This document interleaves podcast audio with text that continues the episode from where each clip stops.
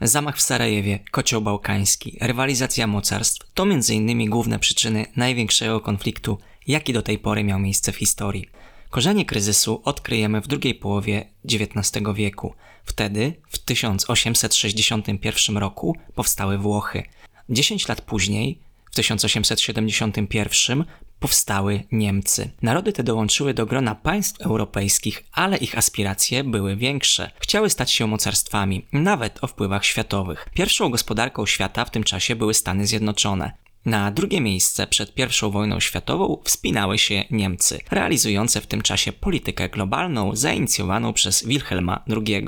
Była to polityka imperialna oparta na starym typie kolonializmu. Wilhelm II odsunął od władzy Ottona von Bismarcka, żelaznego kanclerza, który doprowadził do zjednoczenia Niemiec. Wilhelm prowadził ryzykowną politykę. Zdołał zrazić do siebie Rosję, Wielką Brytanię i nie tylko. Można powiedzieć, że Niemcy oszaleli. Wcześniej za Bismarcka prowadzili bezwzględną politykę, ale konsekwentną, realną i celową. Nowe mocarstwa to nie tylko Niemcy, to nie tylko Włochy, to także Japonia, która w okresie Meiji, czyli oświeconych rządów, dzięki cesarzowi Mutsuhito znacząco się rozwinęła gospodarczo i militarnie, będzie przeszczepiać z państw europejskich to, co najlepsze. Prusy będą wzorem modernizacji armii. Od Wielkiej Brytanii Japonia nauczy się, jak powinna wyglądać flota, ale Japonia wykorzysta nie tylko dobre wzorce, ale również zamiłowanie do imperializmu i kolonializmu. Jak wygląda sytuacja przed I wojną światową? Mamy ambitne nowe mocarstwa Japonię, Włochy, Niemcy, także Stany Zjednoczone, których pozycja gospodarcza i militarna rośnie i są stare mocarstwa, jak Wielka Brytania, Francja czy Rosja których pozycja albo spada, albo pogrążają się w stagnacji. Państwa te będą za wszelką cenę starały się utrzymać swoje wpływy i potęgę. Warto tutaj wspomnieć o Wielkiej Brytanii. Dobrze by było, żeby spojrzenie polityki brytyjskiej było również naszym spojrzeniem. Wielkiej Brytanii zależało na równowadze sił w Europie, żeby żadne z państw europejskich nie było w stanie zagrozić wyspiarskiemu imperium, oraz starała się utrzymywać stałą przewagę nad rywalami, rozbudowując flotę, aby zawsze była większa niż dwie połączone floty potencjalnych przeciwników. Przed I wojną światową nieostrożni Niemcy zaczną konkurować z Brytyjczykami, rozbudowując swoją flotę, marząc o powiększeniu kolonii i odrzucając wszystkie angielskie propozycje porozumienia będą gwałtownie rozwijać się gospodarczo, zaczną zagrażać morskiej potędze synów Albionu, otwarcie podejmując rękawice, stając się potęgą numer dwa na morzach i oceanach. Rywalizację mocarstw możemy rozpatrywać na wielu aspektach. Możemy poświęcić większą chwilę współzawodnictwu ekonomicznemu czy tworzeniu się sieci sojuszy. Na przełomie XIX i XX wieku technika i nauka rozwinęły się tak bardzo, że wojna zaczyna być czystą kalkulacją. Bierzemy pod uwagę, jaki mamy potencjał militarny, jaką dysponujemy populacją, ile mężczyzn może walczyć i jakie rozwiązania techniczne posiadamy, jaki zasięg ma nasza artyleria czy broń palna, a co ma przeciwnik i jakie jest ukształtowanie terenu pulbitew przyszłej wojny, co powinniśmy zrobić, żeby wygrać, z kim wejść w sojusz, żeby tego przeciwnika pokonać, albo przynajmniej pokrzyżować muszyki. Rywalizacja dotyczyła terytoriów w Europie, ale także posiadłości na ostatnim kontynencie, który kolonizacji unikał, czyli w Afryce. Pomiędzy mocarstwami trwał wyścig zbrojeń. Wdrożenie nowinki technologicznej albo zestawu nowatorskich rozwiązań technologicznych doprowadza do tego, że wszystkie poprzednie modele danego urządzenia, danego wynalazku były z automatu przestarzałe. Dotyczyło to na przykład rozwoju floty, konkretnie nowego typu pancerników, tzw. Tak dreadnoughtów, mających większą siłę ognia, lepszy system celowania, większą szybkość niż poprzednie modele i były wyposażone w artylerię o bardzo dużym zasięgu. W tym momencie historii armie państw europejskich miały do dyspozycji odtylcowe działa stalowe wyposażone w przyrządy celownicze. Rozwój artylerii wymuszał rozbudowę fortyfikacji. Stosowano beton, żelazo, beton. Przeciwna strona będzie się starała zniszczyć te fortyfikacje i jeszcze bardziej rozbudowując burzący arsenał. Gruba Berta, nazwana tak na cześć żony Gustawa Krupa, z którego fabryki pochodziła, to niemiecki moździerz oblężniczy, zdolny do burzenia stropów, ścian o grubości nawet przewyższających 2 metry. Lufa działa paryskiego, również w posiadaniu Niemców, miała długość ponad 25 metrów. Pocisk ważył niecałą tonę. Stalowe potwory transportowano na linię frontu pociągami, były powodem do dumy krajów, które je posiadały, ale i przejawem megalomanii. Zmieniło się wyposażenie żołnierzy. O ile wcześniej mundury były dość kolorowe, czerwone, żółte, białe, noszono wymyślne nakrycia głowy z pióropuszami, w wieku wojen światowych powszechne staną się barwy maskujące, a armie będą stawiać na praktyczność. Wpływ na zmianę wyglądu żołnierzy miał rozwój broni automatycznej. W 1884 roku Brytyjczycy wprowadzą w pełni automatyczny karabin maszynowy, karabin Maxima. Wcześniej broń palna strzelała kilkoma kulami na minutę. To było bardzo dużo. Karabin maszynowy potrafił wystrzelić nawet do 600 pocisków na minutę. Proszę sobie wyobrazić, co by się działo z żołnierzami, którzy mieliby na polu bitwy na przykład mundury czerwone i walczyliby na sposób napoleoński, czyli stawali ze sobą twarzą w twarz. Ewolucja pola walki wymusi budowę okopów, schronów, barykad i tym podobnych. Rozwiną się siły powietrzne, stosowano balony, sterowce, samoloty. Podczas I wojny światowej powstaną pierwsze prowizoryczne lotniskowce. Duże znaczenie miała kolej, np. pociągi pancerne, powstaną pierwsze czołgi, Prawdziwym przełomem było zastosowanie prochu nitrocelulozowego lub inaczej białego, który umożliwi wiele z wymienionych już rozwiązań. Umożliwiał on lepszą celność, większy zasięg broni, siłę rażenia, nie wskazywał tak bardzo pozycji strzelca, dlatego czasem nazywano go prochem bezdymnym. Rywalizacja o posiadanie jak najlepszej broni trwała w cieniu montowania sojuszy politycznych. W 1882 roku powstało Trójprzymierze, sojusz państw centralnych, złożony z państwa niemieckiego, austro-węgierskiego i Włoch, który był dość niespójny wewnętrznie. Przecież te państwa niedawno toczyły ze sobą walki. Niemcy i Austriacy o dominację w świecie niemieckim, Austriacy z Włochami o Wenecję, z drugiej strony narodziło się trójporozumienie. Entente Cordiale, które powstało w 1904 roku. Sojusz Wielkiej Brytanii i Francji, państw, które do tej pory po prostu się nienawidziły. Miały również rozbieżne interesy, które dosłownie krzyżowały się w Afryce. Brytyjczycy kolonizowali ten kontynent z północy na południe, bądź na odwrót z dwóch stron jednocześnie. Natomiast Francuzi z zachodu na wschód. Logiczne jest, że musieli się spotkać. Incydent w Faszodzie nie doprowadził jednak do wielkiego konfliktu, ale do polubownego rozwiązania sporu. Stąd nazwa zawartego trochę później układu serdeczne porozumienie. Brytyjczycy toczyli konflikt o strefę wpływów także z Rosją, w centrum Azji, ale i w tym wypadku dwa państwa przezwyciężyły dzielące je różnice. W 1907 roku Rosja i Wielka Brytania zawarły ze sobą porozumienie. Te trzy państwa, Wielka Brytania, Francja i Rosja, utworzyły trójporozumienie. Z wielu powodów ukształtowała się niesamowita, całkiem nowa sytuacja międzynarodowa. Brytyjczycy do tej pory stronili od wielkiej polityki europejskiej. Starali się w nią nie włączać, jeżeli nie musieli. A teraz stali się jedną ze stron konfliktu, byli gotowi porozumieć się ze swoimi niedawnymi rywalami. Tak znaczące różnice interesów nie występowały w relacjach francusko-rosyjskich, a raczej zbieżne cele.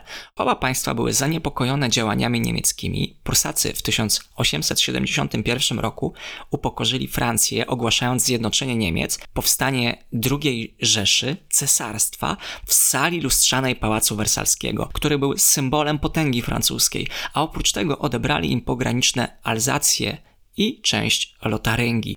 Niemcy zapomną o życzliwej neutralności Rosji podczas wojny z Francją i rozpoczną inwestycje kapitałowe, zwiększając swoją obecność w tradycyjnej rosyjskiej strefie wpływów, czyli na Bałkanach, ale o tym za chwilę. Brytyjczycy byli zaniepokojeni aspiracjami Niemiec, ich roszczeniami i coraz śmielszymi działaniami. Dali się prześcignąć gospodarczo i obawiali się rozbudowy wilhelmowskiej floty. Zdali sobie sprawę, że cele i interesy obu państw są tak różne, że musi dojść do wojny. Dlatego Brytyjczycy porzucili swoją dawną politykę i starali się zająć jak najlepszą pozycję. Czysta kalkulacja. Chcą powstrzymać Niemcy za wszelką cenę, najlepiej płacąc krwią Francuzów. Skoro o nich mowa. Zaniepokojeni wzrostem potęgi nieprzyjaciół ze wschodu, marząc o zemście, o odzyskaniu Alzacji, zawrą tzw. Tak Sojusz Marianny z Niedźwiedziem, czyli z Rosją, wspierając kapitałem modernizację armii tego państwa. A rozpad ładu powiedeńskiego, który ukształtował się jeszcze po pokonaniu Napoleona, był ogromną szansą dla nas, dla Polaków. Zaborców już nie spajała sprawa polska. Chęć utrzymania ogromnych terenów po Rzeczpospolitej znajdą się teraz w przeciwnych obozach militarno-politycznych, zajęte swoimi problemami, ale o tym opowiem w innym odcinku. Ciężkie chwile przed Wielką Wojną przeżywała Rosja, zmagająca się z ogromnymi problemami gospodarczymi. Żeby odwrócić uwagę od problemów wewnętrznych, państwo carów postanowiło zaatakować malutką Japonię, która była postrzegana jako łatwy łup. Aczkolwiek w ostatnich dziesięcioleciach przechodziła gwałtowną modernizację i z czasem mogła stać się zagrożeniem. Wojna rosyjska-japońska z lat 1904-1905 zakończyła się całkowitym blamarzem Rosji. Japonia przejęła od Europejczyków wszystko co najlepsze, ale także imperializm i kolonializm. Zaatakowała Chiny, zajęła Tajwan i w momencie, kiedy pragnęła poszerzyć swoje wpływy o Koreę, śmielej wejść na kontynent, zagrażając tym samym wpływom rosyjskim, dojdzie do wojny. Japonia z sukcesem, z zaskoczenia zaatakowała Port Arthur, gdzie stacjonowała część rosyjskiej floty, Ociężałemu niedźwiedziowi pozostanie jeszcze odległa flota bałtycka. Formacja wyruszy w długi i trudny rejs, pragnąc zemsty za Port Arthur. Będzie musiała opłynąć calutką Afrykę i Azję, ponieważ Brytyjczycy nie zgodzą się przepuścić wszystkich jednostek przez kanał Suezki, a sojusz brytyjsko-rosyjski zostanie podpisany dopiero w 1907 roku. Osiągnąwszy upragniony cel, przegrają bitwę pod Kushimą w 1905 roku. Niesamowita klęska. Niedźwiedziowi wybito zęby. Rosja została pozbawiona niemal całej floty.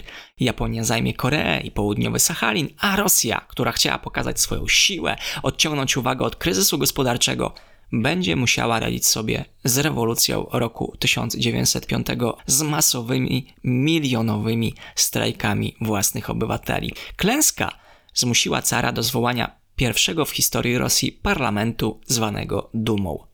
Rosja traciła na znaczeniu również na odcinku bałkańskim. W epoce nowożytnej Półwysep był podporządkowany Imperium Osmańskiemu. W XIX wieku ujarzmione państwa bałkańskie coraz głośniej domagały się niepodległości.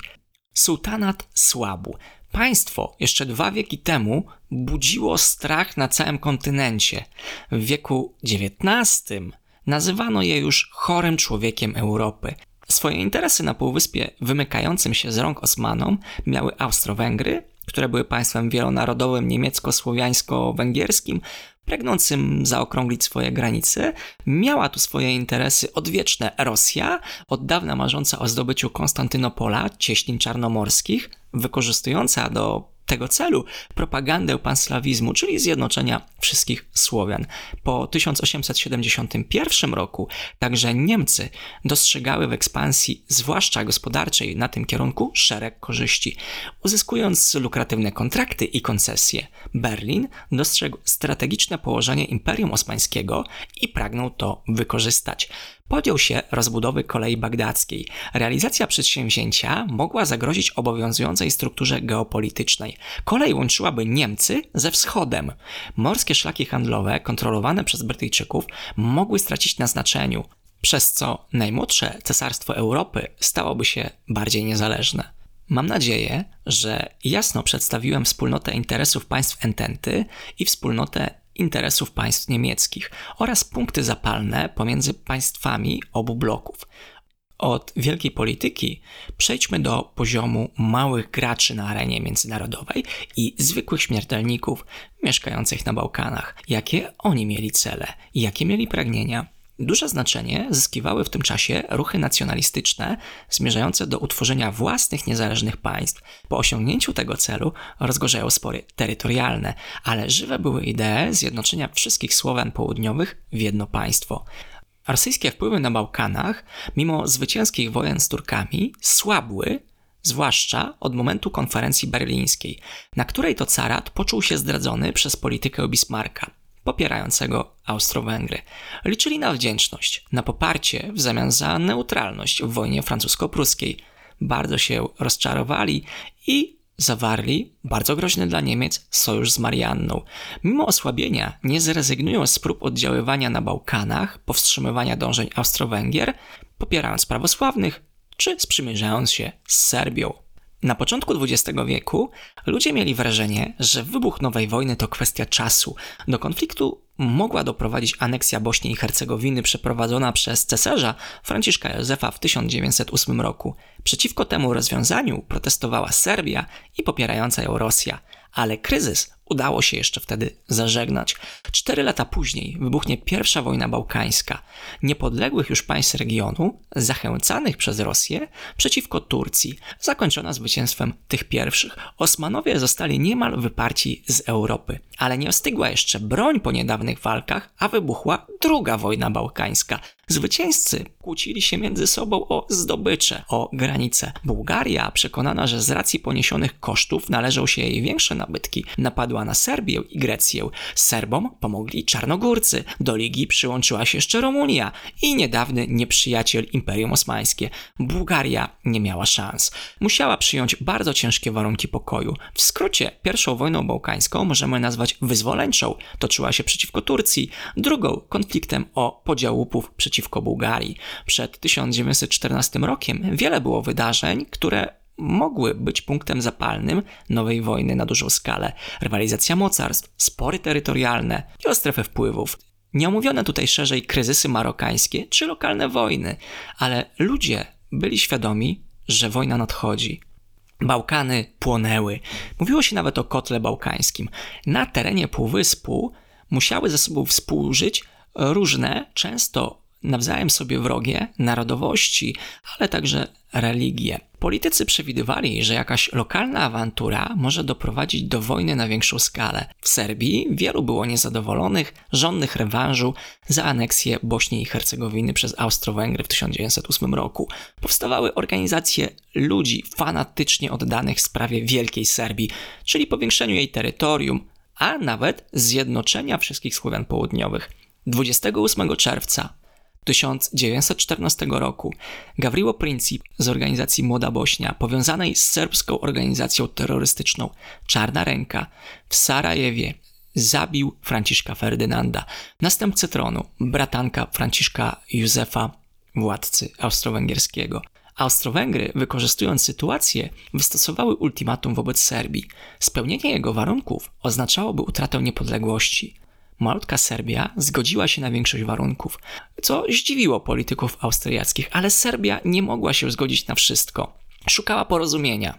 Jednak do niego nie dojdzie. Odrzucenie części żądań wystarczy Austro-Węgrom do wypowiedzenia wojny Serbii 28 lipca 1914 roku, miesiąc po zamachu. Za Serbami ujmą się Rosjanie, a ponieważ cała Europa była połączona siecią sojuszy, zaobserwujemy efekt domina.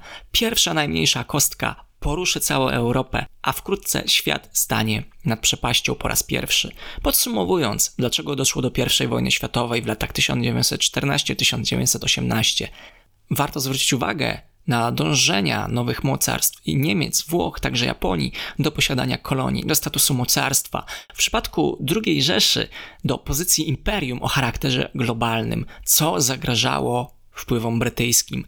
Rywalizacja będzie przebiegać wieloaspektowo. Wyścig zbrojeń, próby zabezpieczenia pozycji przez tworzenie systemów sojuszy, trójprzymierze i trójporozumienie. Wiele konfliktów zażegnywano przez szukanie porozumienia, ustępstwa, ale napięta sytuacja i roszczeniowa postawa nie służyły utrzymaniu pokoju. Zamach na arcyksięcia w Sarajewie rozpocznie lawinę wydarzeń.